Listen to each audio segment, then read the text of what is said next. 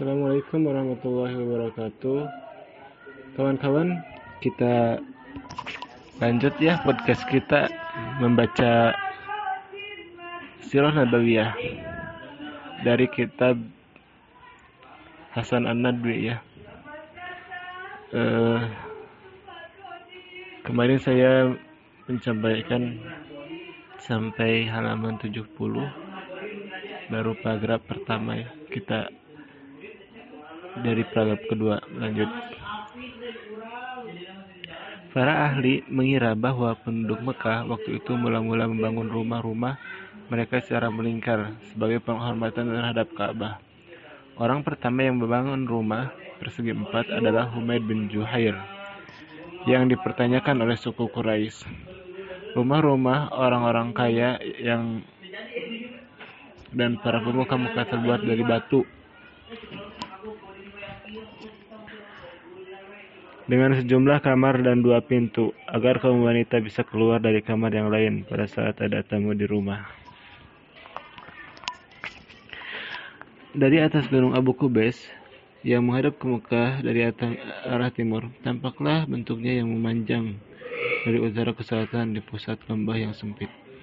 Ketika seseorang memandang untuk pertama kalinya, maka nyaris tidak dapat membedakan dari kulit yang tegak di atasnya Gunung Jarda yang keras mengelilinginya yang tidak memisahkan dengan daratan apa pun antara gunung tersebut dengan Mekah. Tidak ada padang rumput sama sekali. Atap-atap rumah penduduknya bercampur dengan batu-batu keras yang menjorok di atas bukit, di atas kaki bukit. Kemudian, jika diperhatikan dengan seksama, akan terdapat perbedaan antara rumah-rumah dengan tanah lapang yang terlihat sebagai ruang-ruang yang kosong, dan manusia akan terkejut melihat pemandangan sebuah kota besar yang belum pernah ia perkirakan ada di tempat tersebut. Pandangan kita akan menyaksikan Mekah membesar tanpa batas hingga manusia nyaris menghubungkan keluasannya yang muncul secara mendadak itu dengan pesona ahli sihir. Akan tampak batu-batu cadas yang seakan-akan merubah menjadi tempat-tempat tinggal. Tem tampak perbukitan yang menjadi ruangan yang sangat luas bagi bagai tak berujung. Pertumbuhan Mekah baru dan penghuninya. Pertumbuhan Mekah baru terdapat pada masa kekuasaan Qusay bin Kilab. Dialah yang mempersatukan suku Quraisy dan menetapkan mereka di Mekah membangunkan bagi mereka riba. Setiap kaum dari Quraisy dapat menempati rumah mereka sendiri, sepeninggal Qusay keturunannya membangun beberapa riba. Mereka menempati dan memperdagangkannya atas dasar itulah kaum Quraisy mendirikannya. Tidak ada perselisihan dan tidak ada pertentangan di antara mereka. Tatanan kehidupan pembagian tanggung tugas dan tanggung jawab. Kusai berkuasa atas kaumnya dalam penduduk Mekah. Wenang hijabah yaitu menerima dan mengantar masuk ke dalam Ka'bah, Sikoya, Arifadoh, An-Nadwah, dan Aliwa panji perang ada padanya. Kusailah yang mendirikan Darun Nadwah yang menempel di Masjidil Haram. Menjadikan pintunya menghadap langsung ke Ka'bah yang merupakan rumah Kusai bin Kilab. Darun Nadwa adalah tempat untuk bermusyawarah bagi suku Quraisy, juga sebagai tempat memutuskan hukum bagi masyarakat Mekah dan di Darun Nadwa dilakukan berbagai kegiatan menikahkan wanita dan laki-laki Quraisy, memusyawarahkan sesuatu dan memutuskan peperangan terhadap suatu kaum. Demikian juga dengan upacara mengenakan pakaian rumah bagi gadis yang telah mencapai usia dewasa, lalu dikembalikan ke rumah keluarganya. Perintah Qusay pada kaumnya ketika ia masih hidup hingga setelah kematiannya bagaikan sebuah agama yang dianut. Tidak akan dilakukan selain perintahnya. Tidak akan ada yang berani memasuki Darun Nadwa selain anak keturunan Qusay, kecuali telah berumur 40 tahun. Sedangkan semua Bani Qusay boleh memasukinya. Demikian pula dengan sekutu mereka dan anak-anak mereka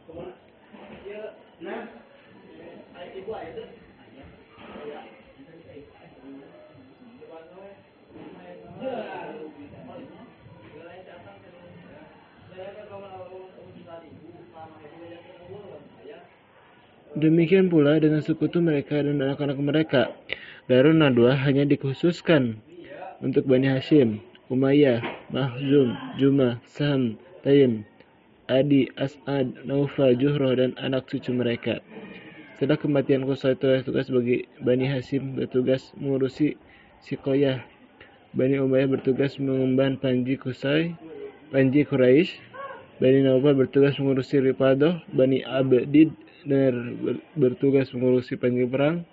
Sidanah pengabdian pada Ka'bah beserta hijabah, sedangkan Bani As'ad mengurus urusan-urusan permusyawaratan.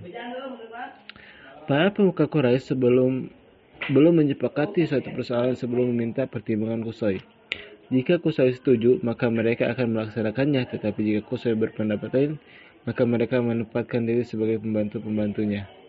Ketika itu tanggung jawab terbagi di antara laki-laki Quraisy yang diakui kemuliaan dan pertimbangan yang sehat. Pada masa sesudah itu, Abu Bakar As-Siddiq yang berasal dari Bani Taim bertugas mengurusi tenda, denda dan utang. Jika ia menanggung atau menjamin sesuatu, denda atau hutang dari seseorang, lalu Abu Bakar meminta dalam hal ini kepada kaum Quraisy, mereka pasti membayarnya. Mereka walau dengan susah payah akan menyelesaikan beban bangkit bersamanya. Jika orang selain Abu Bakar yang menanggungnya, maka orang Quraisy akan menelantarkannya. Khalid bin Walid yang berasal dari Bani Mahzum bertanggung jawab menangani Al-Qubbah dan Al-Ainah dari kekang. Mengenal Al-Qubbah, mereka memukulnya. Lalu berkumpul di sana sebagai sebuah pasukan untuk menghadapi musuh atau Al-Qubbah merupakan alat yang mereka gunakan untuk mengumpulkan pasukan perang. Adapun Al-A'inah merupakan perlengkapan pasukan berkuda Quraisy dalam peperangan.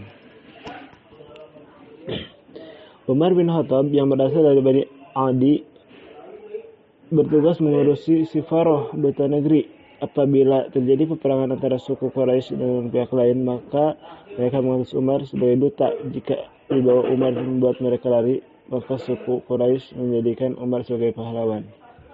Sedangkan Safwan bin Umayyah yang berasal dari Bani Jumah diserahkan urusan Azlam, pengundian nasib dengan anak panah. Tidak ada perkara yang penting kecuali ditentukan lebih dahulu dari hasil pengundian dengan anak panah tersebut. Kemudian, pada kepada Al Harith bin Qais serahkan urusan pemerintahan dan harta-harta yang dikumpulkan untuk kepentingan Tuhan-Tuhan atau berhala. Mereka saling mewariskan kedudukan mulia tersebut pemimpin kepada pemimpin lainnya. Perdagangan ekspor dan impor.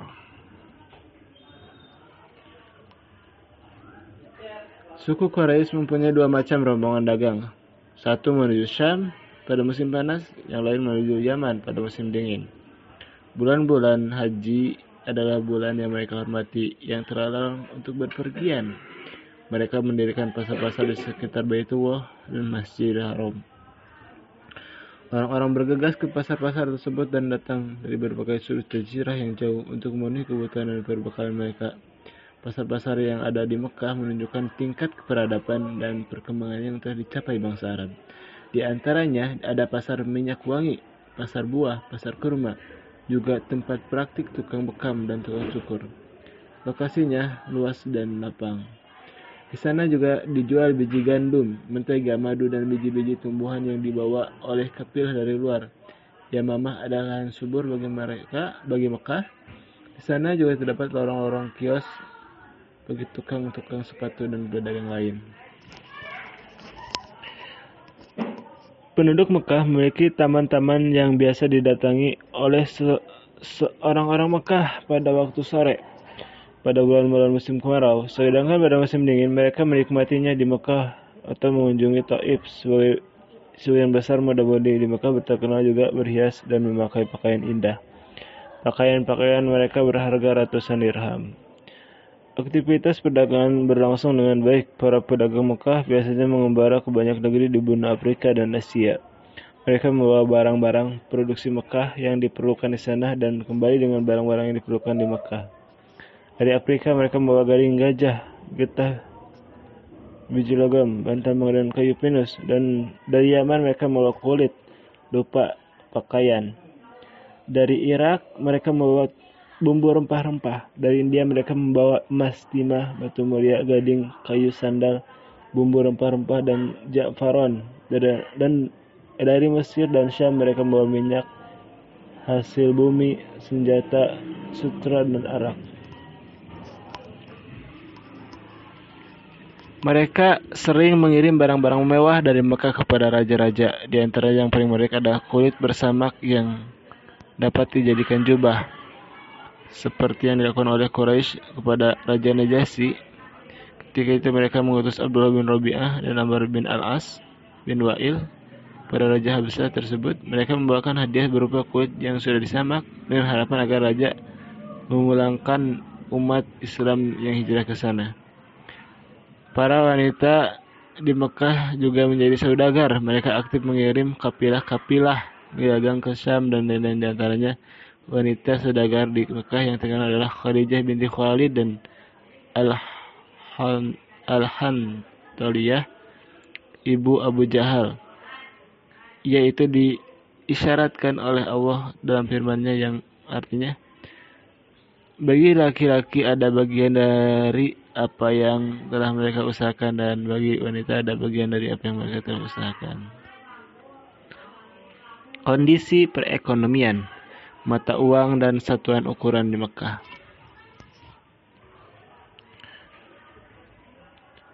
Demikianlah maka mengalami kemajuan dalam perdagangan, sebagian besar penduduknya menjadi orang-orang kaya dan modal-modal mereka bertambah banyak. Hal itu dibuktikan dengan rombongan dagang suku Quraisy yang kembali dari Syam pada saat Perang Badar, yang mencapai 100.000 ekor unta dengan muatan mencapai 50.000 dinar. Mereka berdagang dengan menggunakan mata uang Romawi, Bizantium, dan Iran Sasan. Mereka menggunakan timbangan dan ukuran pasar di pasar dalam bentuk so, mud, litol, Auqiyah dan Mithqal. Mereka mengenal, mengenal satuan berat dan yang beragam. Mereka mengenal ilmu berhitung yang dirujuk oleh Al-Quran dalam menyebut bagian warisan. Kekayaan dan kemewahan suku Quraisy. Di Mekah terdapat rumah-rumah dan keluarga-keluarga suku Quraisy yang terkenal kaya raya. Banyak harta dan hidup mewah seperti Bani Umayyah dan Bani Makhzum. Di antara mereka yang terkenal kaya mempunyai banyak simpanan harta dan giat mengembangkannya adalah Al-Walid bin Al-Mughirah, Abdul Uzza bin Abdul Muttalib, Abu Lahab, dan Abu Uhayyah bin Sa'id bin Al-As bin Umayyah yang memiliki saham sebesar 30 dinar pada kapilah dagang yang dipimpin oleh Abu Sufyan dan Abdullah bin Abi Rabi'ah al-Makhzumi. Dikenal pula sosok Abdullah bin Jad'an At-Taimi yang minum dengan gelas yang terbuat dari emas dan memberi makan sebelah besar kaum miskin dan orang-orang yang kelaparan.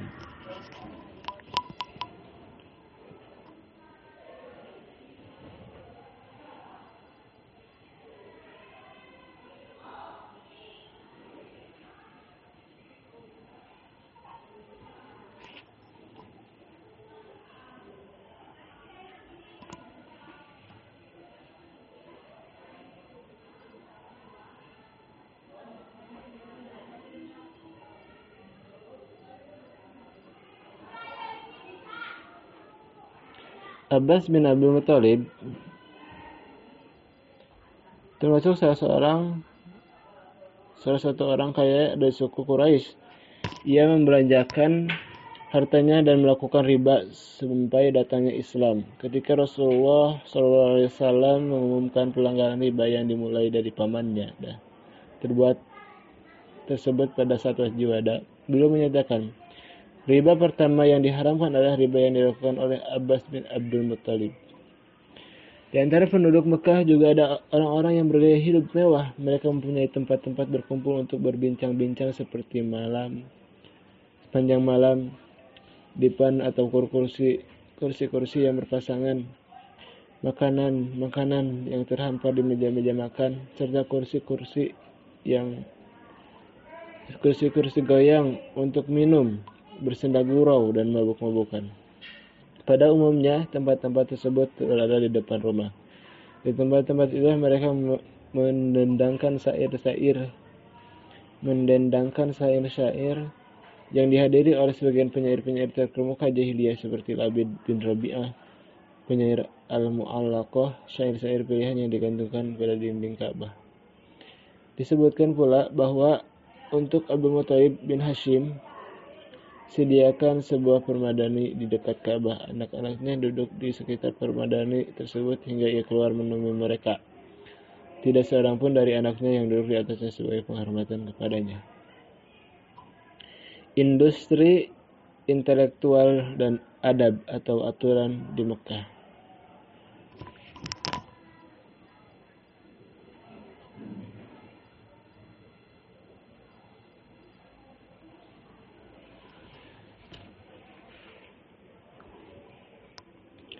Industri kerajinan tidak memiliki porsi yang besar bagi penduduk Mekah. Bahkan mereka terkesan dengan tidak menganggapnya sebagai sesuatu yang penting. Dalam kondisi yang normal, industri tidak ada, tidak dilakukan kecuali oleh para pelayan dan pekerja non Arab. Hanya terdapat beberapa industri yang terpaksa mereka lakukan yang dijalankan oleh penduduk asli Mekah disebutkan bahwa Khobab bin Al-Arut adalah seorang budak yang bekerja membuat padang untuk industri bangunan mereka harus bergantung pada para pekerja dari Romawi atau Persia. Di kalangan penduduk Mekah ada yang berprofesi sebagai penulis yang mengenal tulis dan baca. Sekalipun pada umumnya mereka ummi, tidak bisa tulis. Oleh karena itulah Al-Quran menyebut mereka sebagai bangsa yang ummi. Allah berfirman, Dialah Allah yang telah mengutus mereka pada kalangan mengutus pada kalangan ummi tidak tahu baca tulis seorang rasul dari kalangan mereka.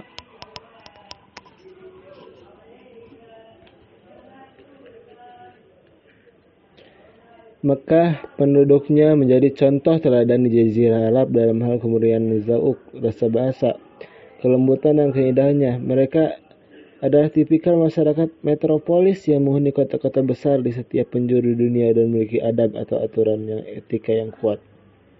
Bahasa mereka menjadi ukuran dan rujukan. Bahasa mereka menjadi pegangan setiap kaum di pelosok jazirah Arab. Mereka lebih pasti dan lebih sahih dalam mengungkapkan dan menyampaikan sesuatu di antara seluruh bangsa Arab. Mereka lebih terhindar dari cacat bahasa atau penggunaan bahasa asing akibat pengaruh percampuran dengan non-Arab. Mereka beruntung dengan anggota tubuh yang simetris, kesederhanaan penampilan dan perilaku, perawakan sedang, serta bentuk tubuh yang sempurna dibandingkan dengan penduduk wilayah-wilayah lainnya sehingga mereka menjadi pusat perhatian umat manusia. Mereka menghimpun sifat-sifat yang disebut sebagai putuwah, wibawa kepemimpinan dan mu'ah, harga diri kehormatan para penyair dan ahli pidato selalu mendendangkan sifat-sifat mereka dalam syair dan pidato-pidato. Oleh karena itulah mereka menjadi menonjol dibandingkan manusia lain, lainnya, baik dalam ke hal kejahatan maupun dalam hal kebaikan. Sebagian besar perhatian mereka tertuju, tertuju pada nasab-nasab dan kisah-kisahnya. Kemudian syair-syair, lalu perbintangan dan isyarat-isyarat seperti pada juru ramal. Sebagian besar perhatian mereka ditujukan kepada warna dan jenis kuda, pengetahuan yang mendalam tentang anggota tubuh dan sifat-sifatnya, serta melihat tanda baik antara laki-laki dan kuda. Yang kecil dari mereka memperhatikan ilmu kedokteran, baik berdasarkan pengalaman dari mereka memperhatikan pengalaman maupun transformasi pengetahuan. Mereka memiliki cara-cara pengobatan seperti kai, pengobatan dengan besi panas, pemotongan anggota badan, mengeluarkan darah, bekam dan meminum obat.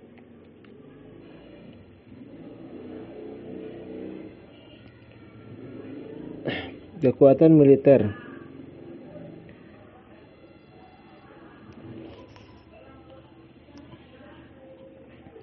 Dalam hal kekuatan militer, suku Quraisy mengutamakan perdamaian dan ketentraman. Dalam segala keadaan, keinginan mereka adalah keinginan sebuah bangsa dan mereka yang sangat tergantung kepada usaha dan hidup dari perdagangan. Perjalanan kafilah-kafilah, pengaturan pasar-pasar, arahan-arahan para per, perunjuk jalan, dari berbagai daerah menuju negerinya.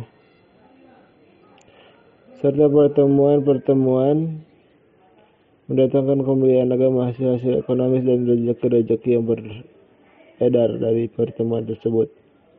Terhadap ter hal tersebut Allah berfirman dalam surat diabadikan dalam surat Al-Quraisy ayat 3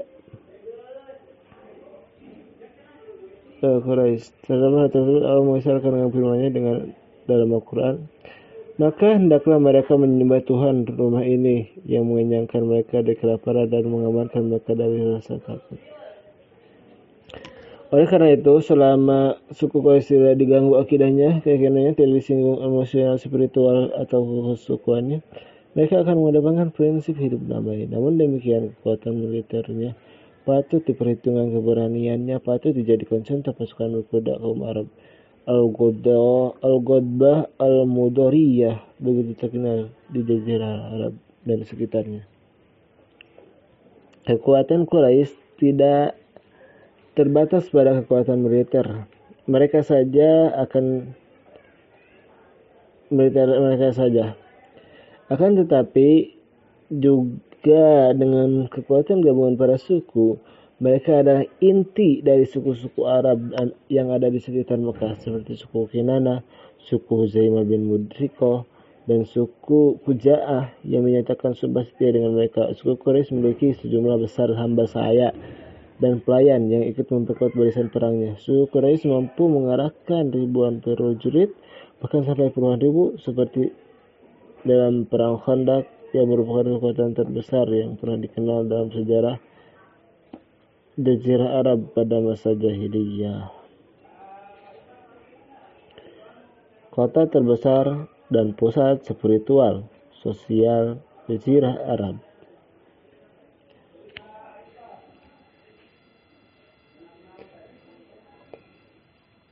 Kota terbesar dan dengan kedudukan sebagai pusat keagamaan, tempat perekonomian, pemimpin dan aktivis perdagangan, serta kemajuan dalam bidang peradaban dan sastra, maka telah menjadi kota terbesar di Jazirah Arab. Ia telah muncul sebagai saingan kota Sana'a di Yaman dalam hal kepemimpinan Jazirah. Bahkan Mekah telah menampung melampuinya serta terjadi setelah terjadi, setelah terjadi penjajahan Habsyah terhadap Yaman yang dan dikuasai oleh Persia pada pertengahan abad 6 Masehi. Setelah kerajaan Hiro dan kerajaan kekuasaan kehilangan pamor kekuasaannya jadilah penjuru Mekah sebagai kota, ibu kota jazirah Arab secara spiritual sosial tanpa ada yang menandingi dan memperdebatkannya.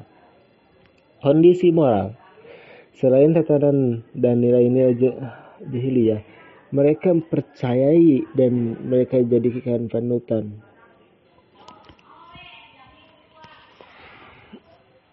Kondisi bangsa Arab secara normal terbilang gemilang terbilang lemah. Cara moral terbilang lemah. Sebab pertaruhan dan perjudian telah menjadi kebiasaan dan mereka ber, merasa bangga dengan hal itu. Minuman keras merajalela dan perbudakan tersebar di mana-mana. Pertemuan-pertemuan diadakan dengan hiburan-hiburan, acara-acara nyanyian dan dihidangkan minuman-minuman keras. Perbuatan keji juga menjadi dominan. Kezaliman dan kekerasan kerap terjadi penghinaan terhadap manusia, pengingkaran terhadap kebenaran dan pengambilan harta manusia secara, secara tidak sah. Gambaran tentang kondisi moral yang dialami oleh penduduk jazirah pada umumnya dan penduduk Mekah pada khususnya tidak ada yang lebih jujur dan lebih indah daripada penuturan Ja'far bin Abi Thalib yang merupakan penduduk asli Mekah yang bercerita tentang kehidupan bangsa Arab dan moral mereka pada masa jahiliyah di hadapan Raja Najasyi. Sebagai berikut. Wahai baginda, dahulu kami adalah kaum jahiliyah. Kami menyembah berhala, memakan bangkai, dan melakukan perbuatan keji. Kami memutus hubungan keluarga, bersikap masa bodoh pada tetangga, dan yang kuat dianjak kami memakan yang lemah. Kondisi keagamaan. Kondisi keagamaan lebih lemah daripada segi etika dan budaya. Yaitu hukum-hukum mereka yang jauh dari kenabian, kebodohan merajalela, dan berhalaisme menyebar di mana-mana yang mereka tiru dari bangsa tetangga.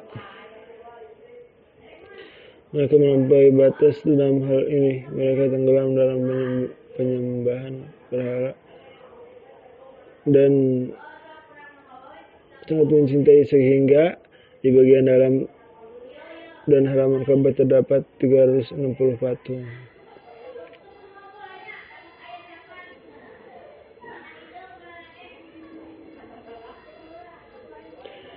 Berhala yang paling besar menurut mereka adalah Hubal. Nama berhala inilah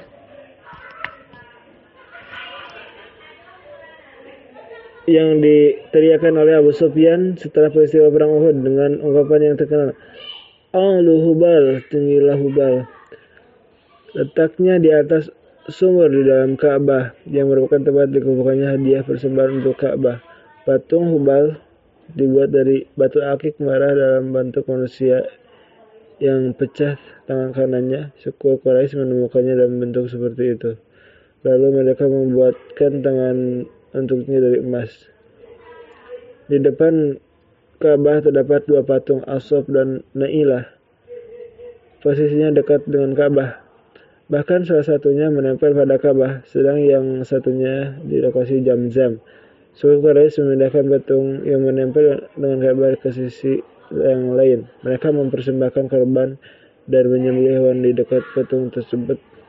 Di atas bukit Safa terdapat sebuah patung yang disebut Nahika Mujawiduri, ya sang pengatur angin.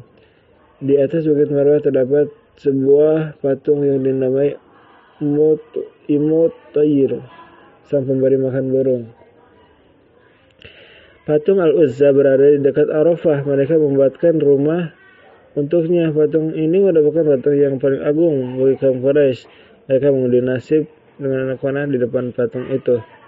Patung Zulkhalasa berada di kota Mekah bagian bawah. Mereka memakaikan kalung kepadanya, mempersembahkan biji gandum dan hasil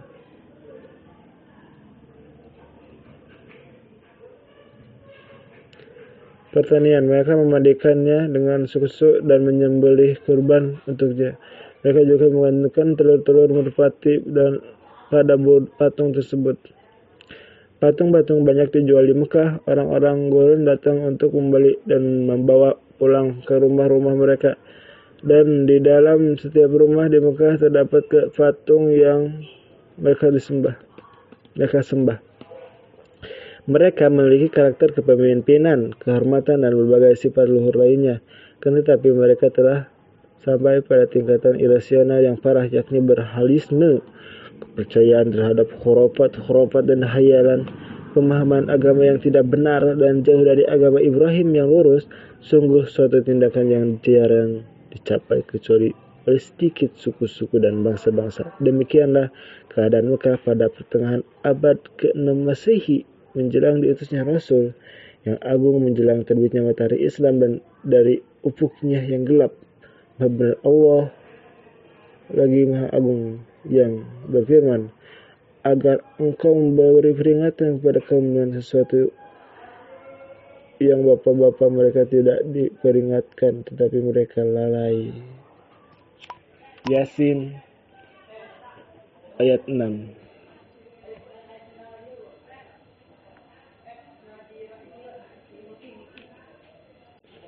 Ya, sekian eh, baru saja sampai halaman eh,